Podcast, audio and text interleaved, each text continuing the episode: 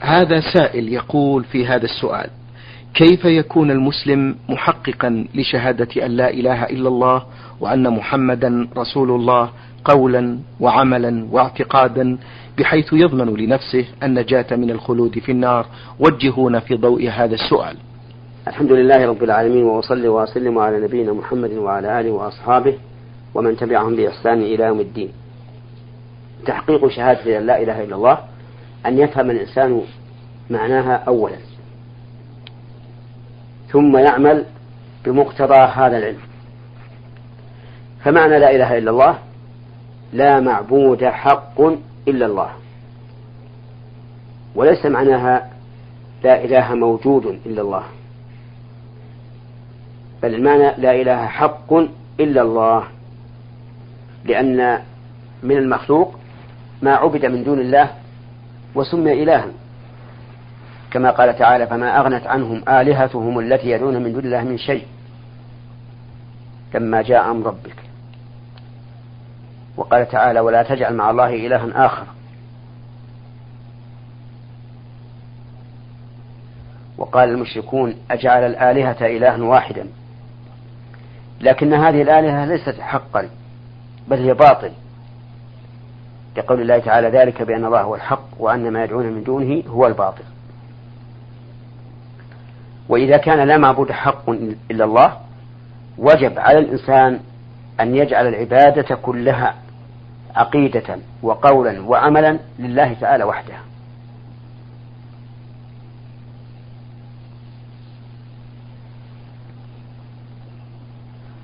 وإذا كان هذا معنى لا إله إلا الله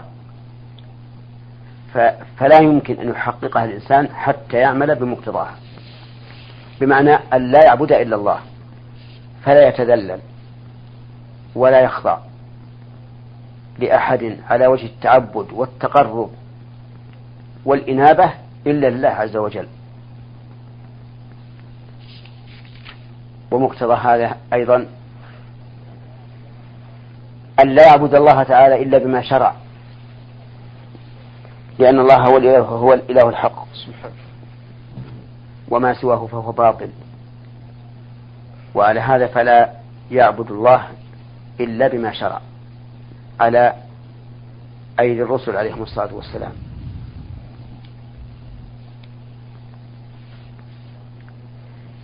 ولا بد أيضا من تحقيق شهادة لا إله إلا الله من أن يكفر بما سوى الله عز وجل من الآلهة حتى يتحقق له الاستمساك بالعروة الوثقى. قال الله تعالى فمن يكفر بالطاغوت ويؤمن بالله فقد استمسك بالعروة الوثقى. وقال تعالى ولقد بعثنا في كل أمة رسولا أن يعبدوا الله واجتنبوا الطاغوت. فلا بد لتحقيق شهادة أن لا إله إلا الله من اجتناب الطاغوت. وهو كل ما عبد من دون الله عز وجل. أو تحوكم إليه من دون الله. نعم. يقول وكيف النجاة كيف يضمن المسلم لنفسه النجاة من الخلود في النار؟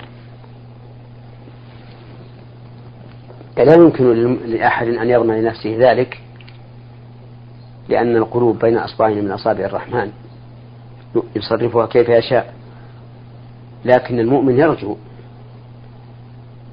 الرحمة والنجاة من النار بما قام به من عبادة الله وحده لا شريك له وامتثال أمر الله واجتناب نهي الله.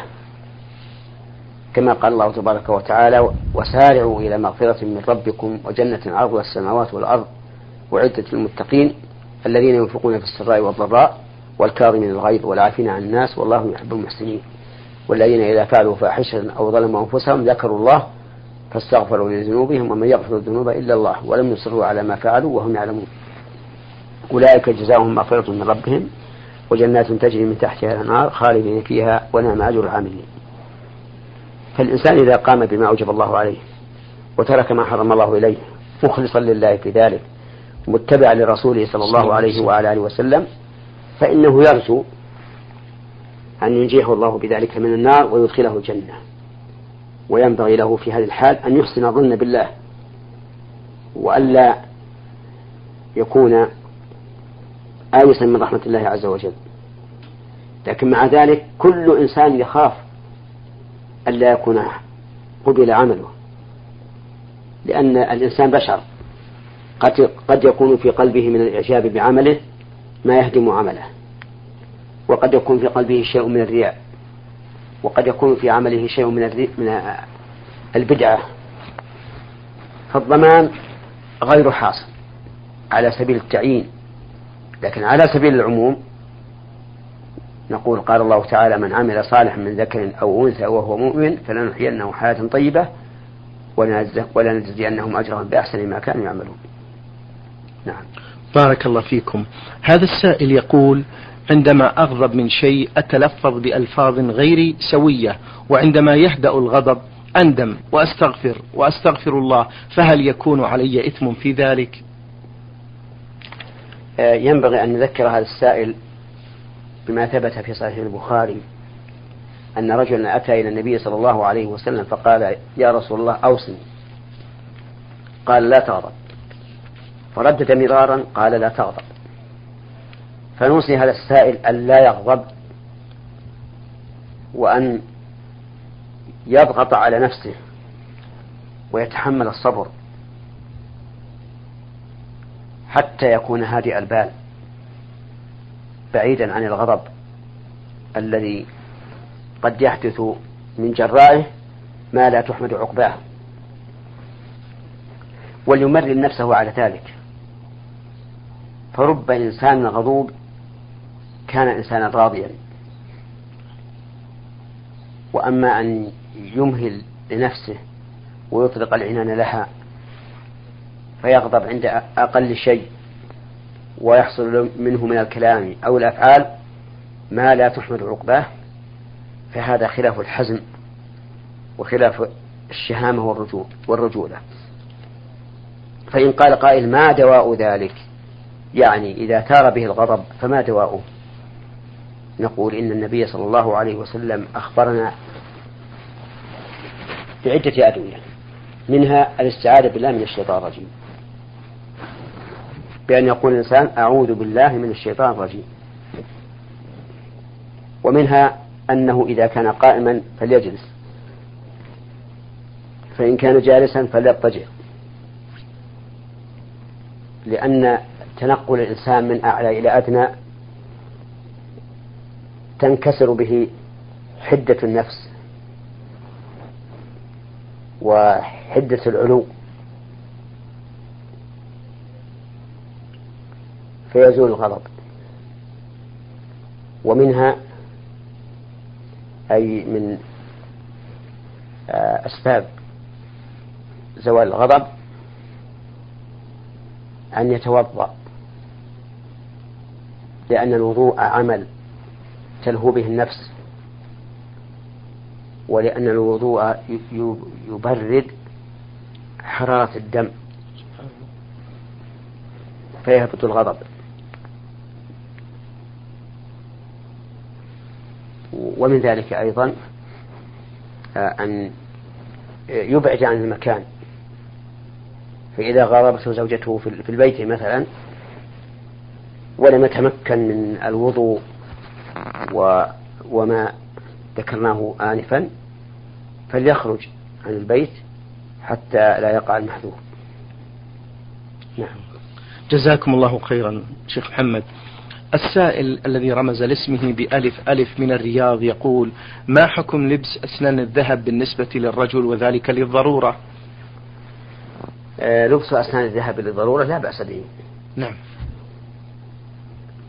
ودليل ذلك أن النبي صلى الله عليه وسلم أذن للرجل الذي ذهبت أنفه في القتال أن يتخذ أنفا من ذهب. فإذا انكسرت سن الإنسان واحتاج إلى أن يجعل بدلها قطعة من الذهب فلا بأس. لكن لو جعل بدلها شيئا من السن الصناعي نعم. لكان أحسن وأقرب إلى تلاؤم الأسنان وعدم التشويه. نعم. جزاكم الله خيرا. السائل الذي رمز لاسمه بميم ميم من الرياض يقول حصل خلاف بيني وبين أقرباء لي وكنت أنا المخطئ فقاطعوني لمدة سنتين وبعدها حصلت مسامحة إلا, إلا أنني لاحظت بأنهم لا يقومون بزيارتي في بيتي ولا زال في نفوسهم بعض الشيء. فبماذا تنصحونني علما بأنني نادم على ما حصل مني؟ وجهوني فضيلة الشيخ. الذي ننصحك أن تحاول إزالة ما في قلوبهم من الشره عليك.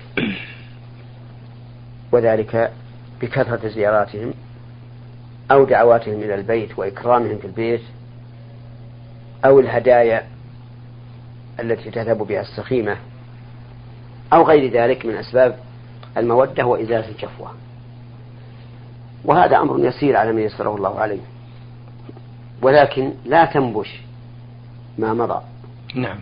ولا تبحث فيه. واجعل نفسك من أبناء اليوم.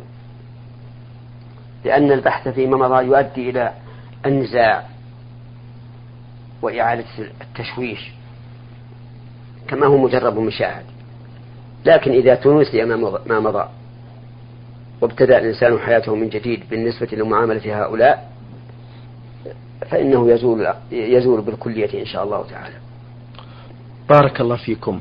السائل أسعد ألف ألف آه، سوريا يقول: من هم الصابئة؟ هل هم الذين خرجوا عن دين الله أو من دين الله؟ هذا اختلف فيهم العلماء رحمهم الله. نعم. فقيل إن الصابئة على دين خرجوا به عن دين قومهم. وقيل إن الصابئة من لا دين لهم. ولم يتحرر لي عندي ولم يتحرر عندي أي القولين أصح. فالله أعلم. جزاكم الله خيرا. السائل يقول لي صديق لا يصلي ولا يصوم وهو في العشرين من العمر وأنا أحبه وأقدره لأنه زميل مخلص لي وأنا أحافظ على الصلوات والحمد لله فما حكم زمالتي له؟ أقول أولا ما دام صديقا لك فله حق عليك. طيب. أن تناصحه وأن تؤكد عليه أن يصلي وأن تخوفه من عقوبة الله عز وجل إذا لم يصل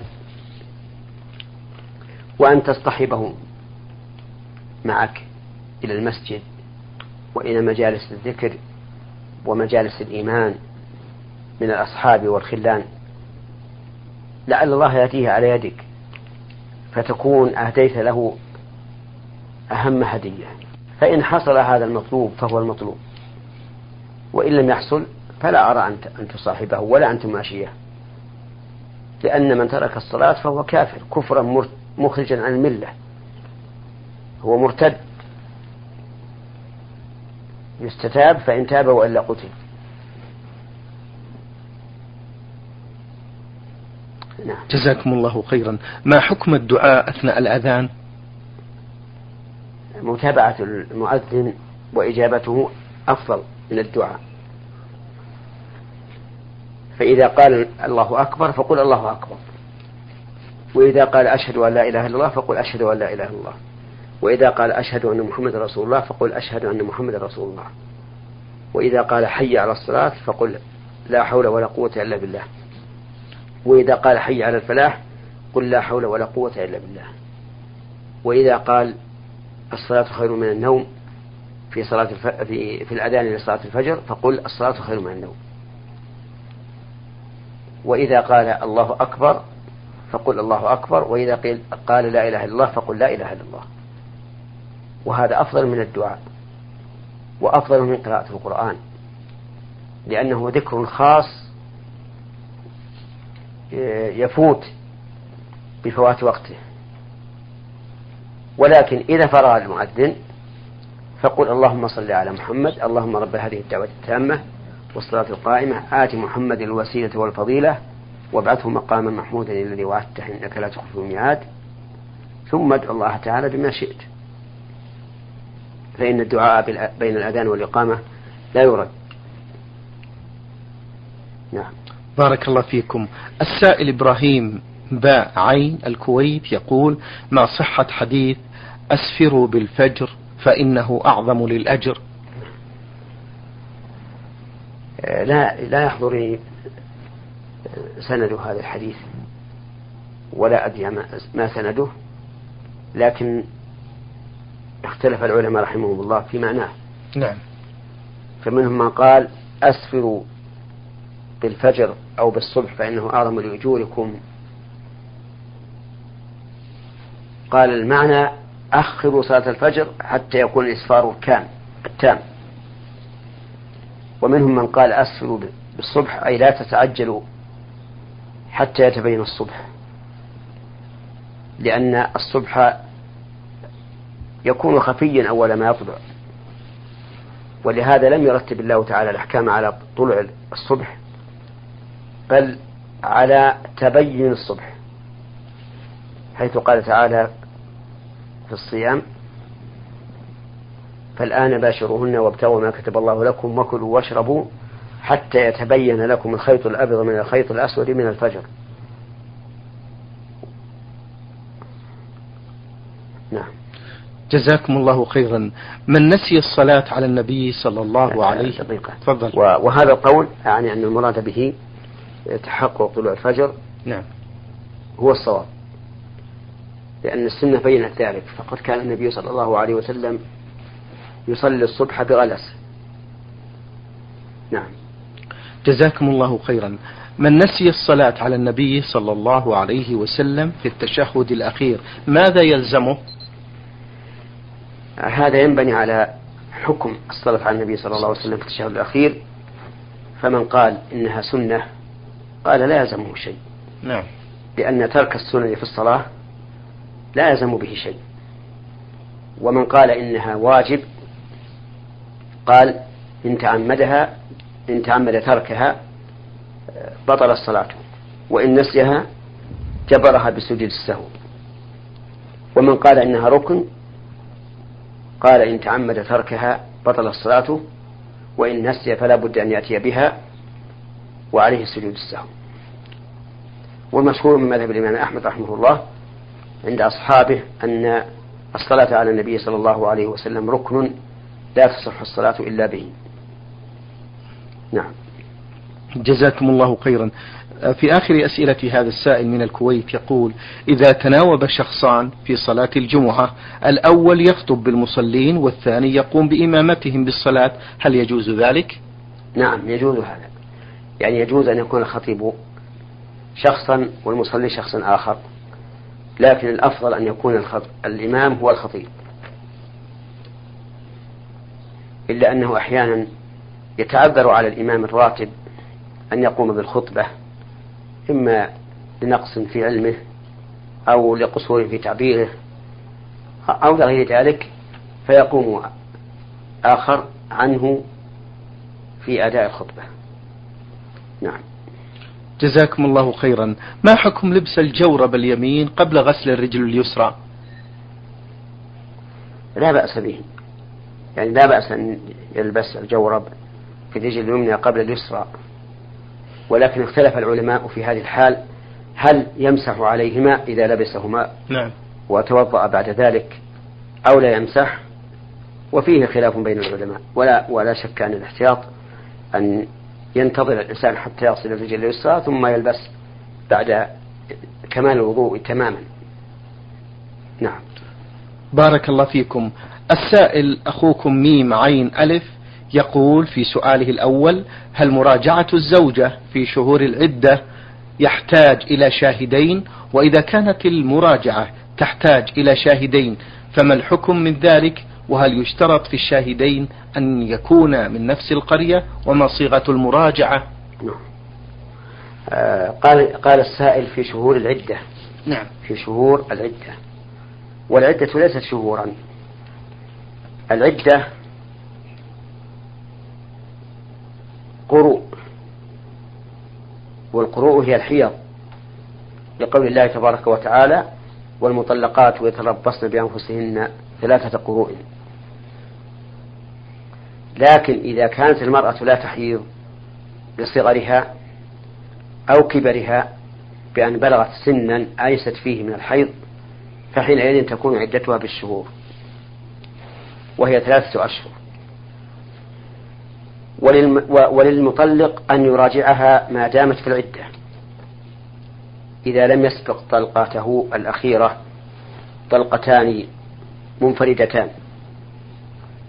فإن سبقها طلقتان منفردتان وصارت هذه هي الثالثة فإنها لا تحل له حتى تنكح زوجا غيره.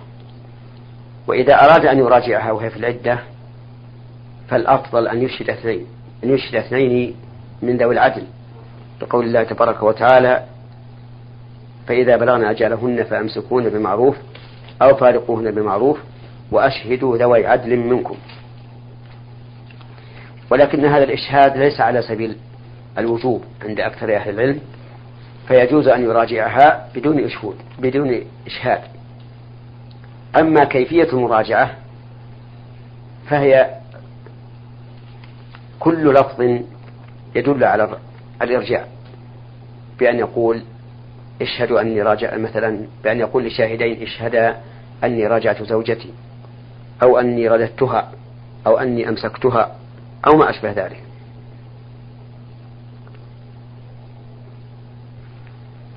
ويجوز الرجوع بالفعل بأن يجامعها بنية الرجوع وإن لم يتلفظ بلسانه. وعلى هذا تكون الرجعة إما بالقول بأن يقول راجعت زوجتي أو أمسكتها أو ما أشبه ذلك وإما بالفعل وهو الجماع بنية الرجوع. نعم. بارك الله فيكم. في ثاني أسئلته يقول في بعض السنوات في بعض السنوات قصرت في الصلاة ولا أدري كم فرض ضيعت فهل علي قضاء لتلك الصلوات؟ وكيف أقضيها؟ علما بأنني أصلي في اليوم أكثر من عشرين ركعة نافلة. نعم. هذا التقصير لا بد أن نعرف. هل هو عدم الصلاة أو أنه يصلي ولكن لا يأتي بأركان الصلاة وواجباتها فإن كان الأول نعم. بأن كان لا يصلي أي مضى عليه أيام لم يكن يصليها فإنه لا يقضي تلك الأيام لأنه وإن قضاها لم تقبل منه حيث إنه تعمد إخراج الصلاة عن وقتها فيكون صلى صلاة لم يؤمر بها وقد ثبت عن النبي صلى الله عليه وعلى آله وسلم أنه قال من عمل عملا ليس عليه أمرنا فهو رد أي مردود عليه. أما إذا كان قد أخل بشيء منها ولكن لا يدري أي أي صلاة أخل بها فهو فإنه يحتاط. فإذا قدر أنها الظهر أو العصر أو المغرب أو العشاء أو الفجر صلى الصلوات الخمس ليخرج من من الواجب بيقين. وقيل يصلي أربعا وثلاثا واثنتين.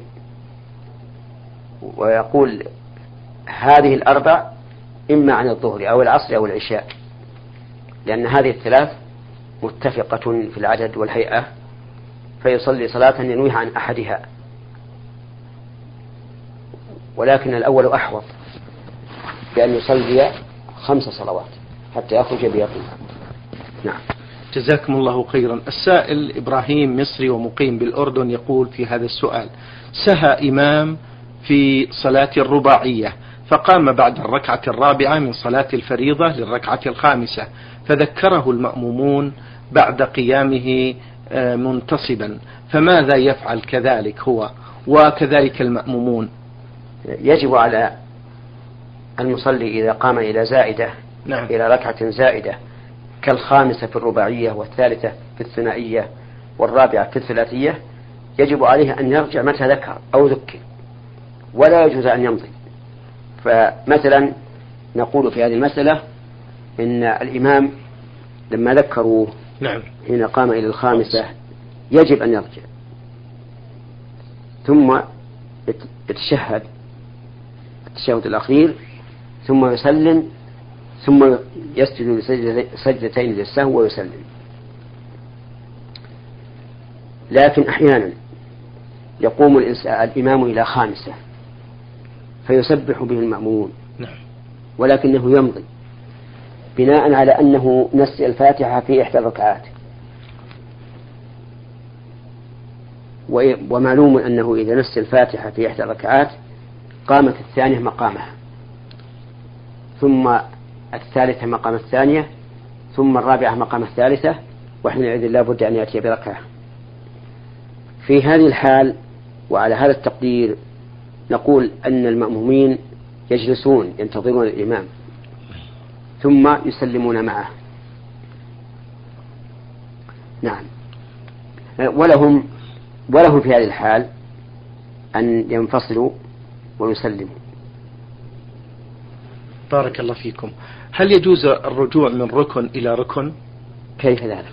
يقول كأن يسهو ويقوم بعد التشهد الثاني على أنه الأول ثم يتذكر بعد قيامه أنه التشهد الثاني ثم يجلس للركن وهو التسليمة الأولى. نعم. آه هذه كالأول. نعم. متى ذكر الإنسان أنه في زائدة وجب عليه أن يرجع ويكمل على ما سبق ويسلم ويسجد السهو بعد ذلك سجدتين ويسلم. هذا السائل يقول في هذا السؤال النوافل كيف نصليها وكم هي؟ هل نصليها في البيت أم في المسجد أفضل؟ النوافل يصليها الإنسان نعم. على حسب من يصلي الفريضة لأن الأصل في النافلة أن تكون كالفريضة إلا بدليل. والنوافل التابعة للمكتوبات وتسمى الرواتب ثنتا عشرة ركعة. أربع ركعات قبل صلاة الظهر وبعد الأذان. لكنه يسلم من كل ركعتين. وركعتان بعد الظهر. وركعتان بعد المغرب. وركعتان بعد العشاء. وركعتان قبل الفجر. وهذه الأخيرة آكد الرواتب. لأن النبي صلى الله عليه وعلى آله وسلم كان لا يدعها حضرا ولا سفرا. أما راتبة الظهر والمغرب والعشاء فإنها لا تصلى في السفر. وأما العصر فليس لها راتبة. نعم. ليس لها سنة راتبة. هذه هي الرواتب التابعة للمكتوبات. ولا ينبغي للإنسان أن يدعها لأنها تكمل بها الفرائض يوم القيامة. فهي كالرقع يرقع بها الثوب. ومن المعلوم أن غالب المصلين يحصل في في صلاتهم خلل ونقص يحتاجون معه إلى هذه الرواتب. وليعلم أن راتبة الفجر تختص بخصائص منها أنها أفضل الرواتب. وقد ثبت عن النبي صلى الله عليه وعلى آله وسلم أنه قال ركعة الفجر خير من الدنيا وما فيها. ومنها أنها أن لها قراءة خاصة. فيقرأ في الركعة الأولى قل يا أيها الكافرون وفي الثانية قل هو الله أحد مع الفاتحة أو يقرأ في الأولى قل يا أهل الكتاب قولوا آمنا بالله وما أنزل إلينا وما أنزل إلى إبراهيم إلى آخر الآية في البقرة نعم. وفي الركعة الثانية قل يا أهل الكتاب تعالوا إلى كلمة سواء بيننا وبينكم أن لا نعبد إلا الله ولا نشرك به شيئا ولا يتخذ بعضنا بعضا أربابا من دون الله فإن تولوا فقولوا اشهدوا بأننا مسلمون شكر الله لكم فضيلة الشيخ وبارك الله فيكم وفي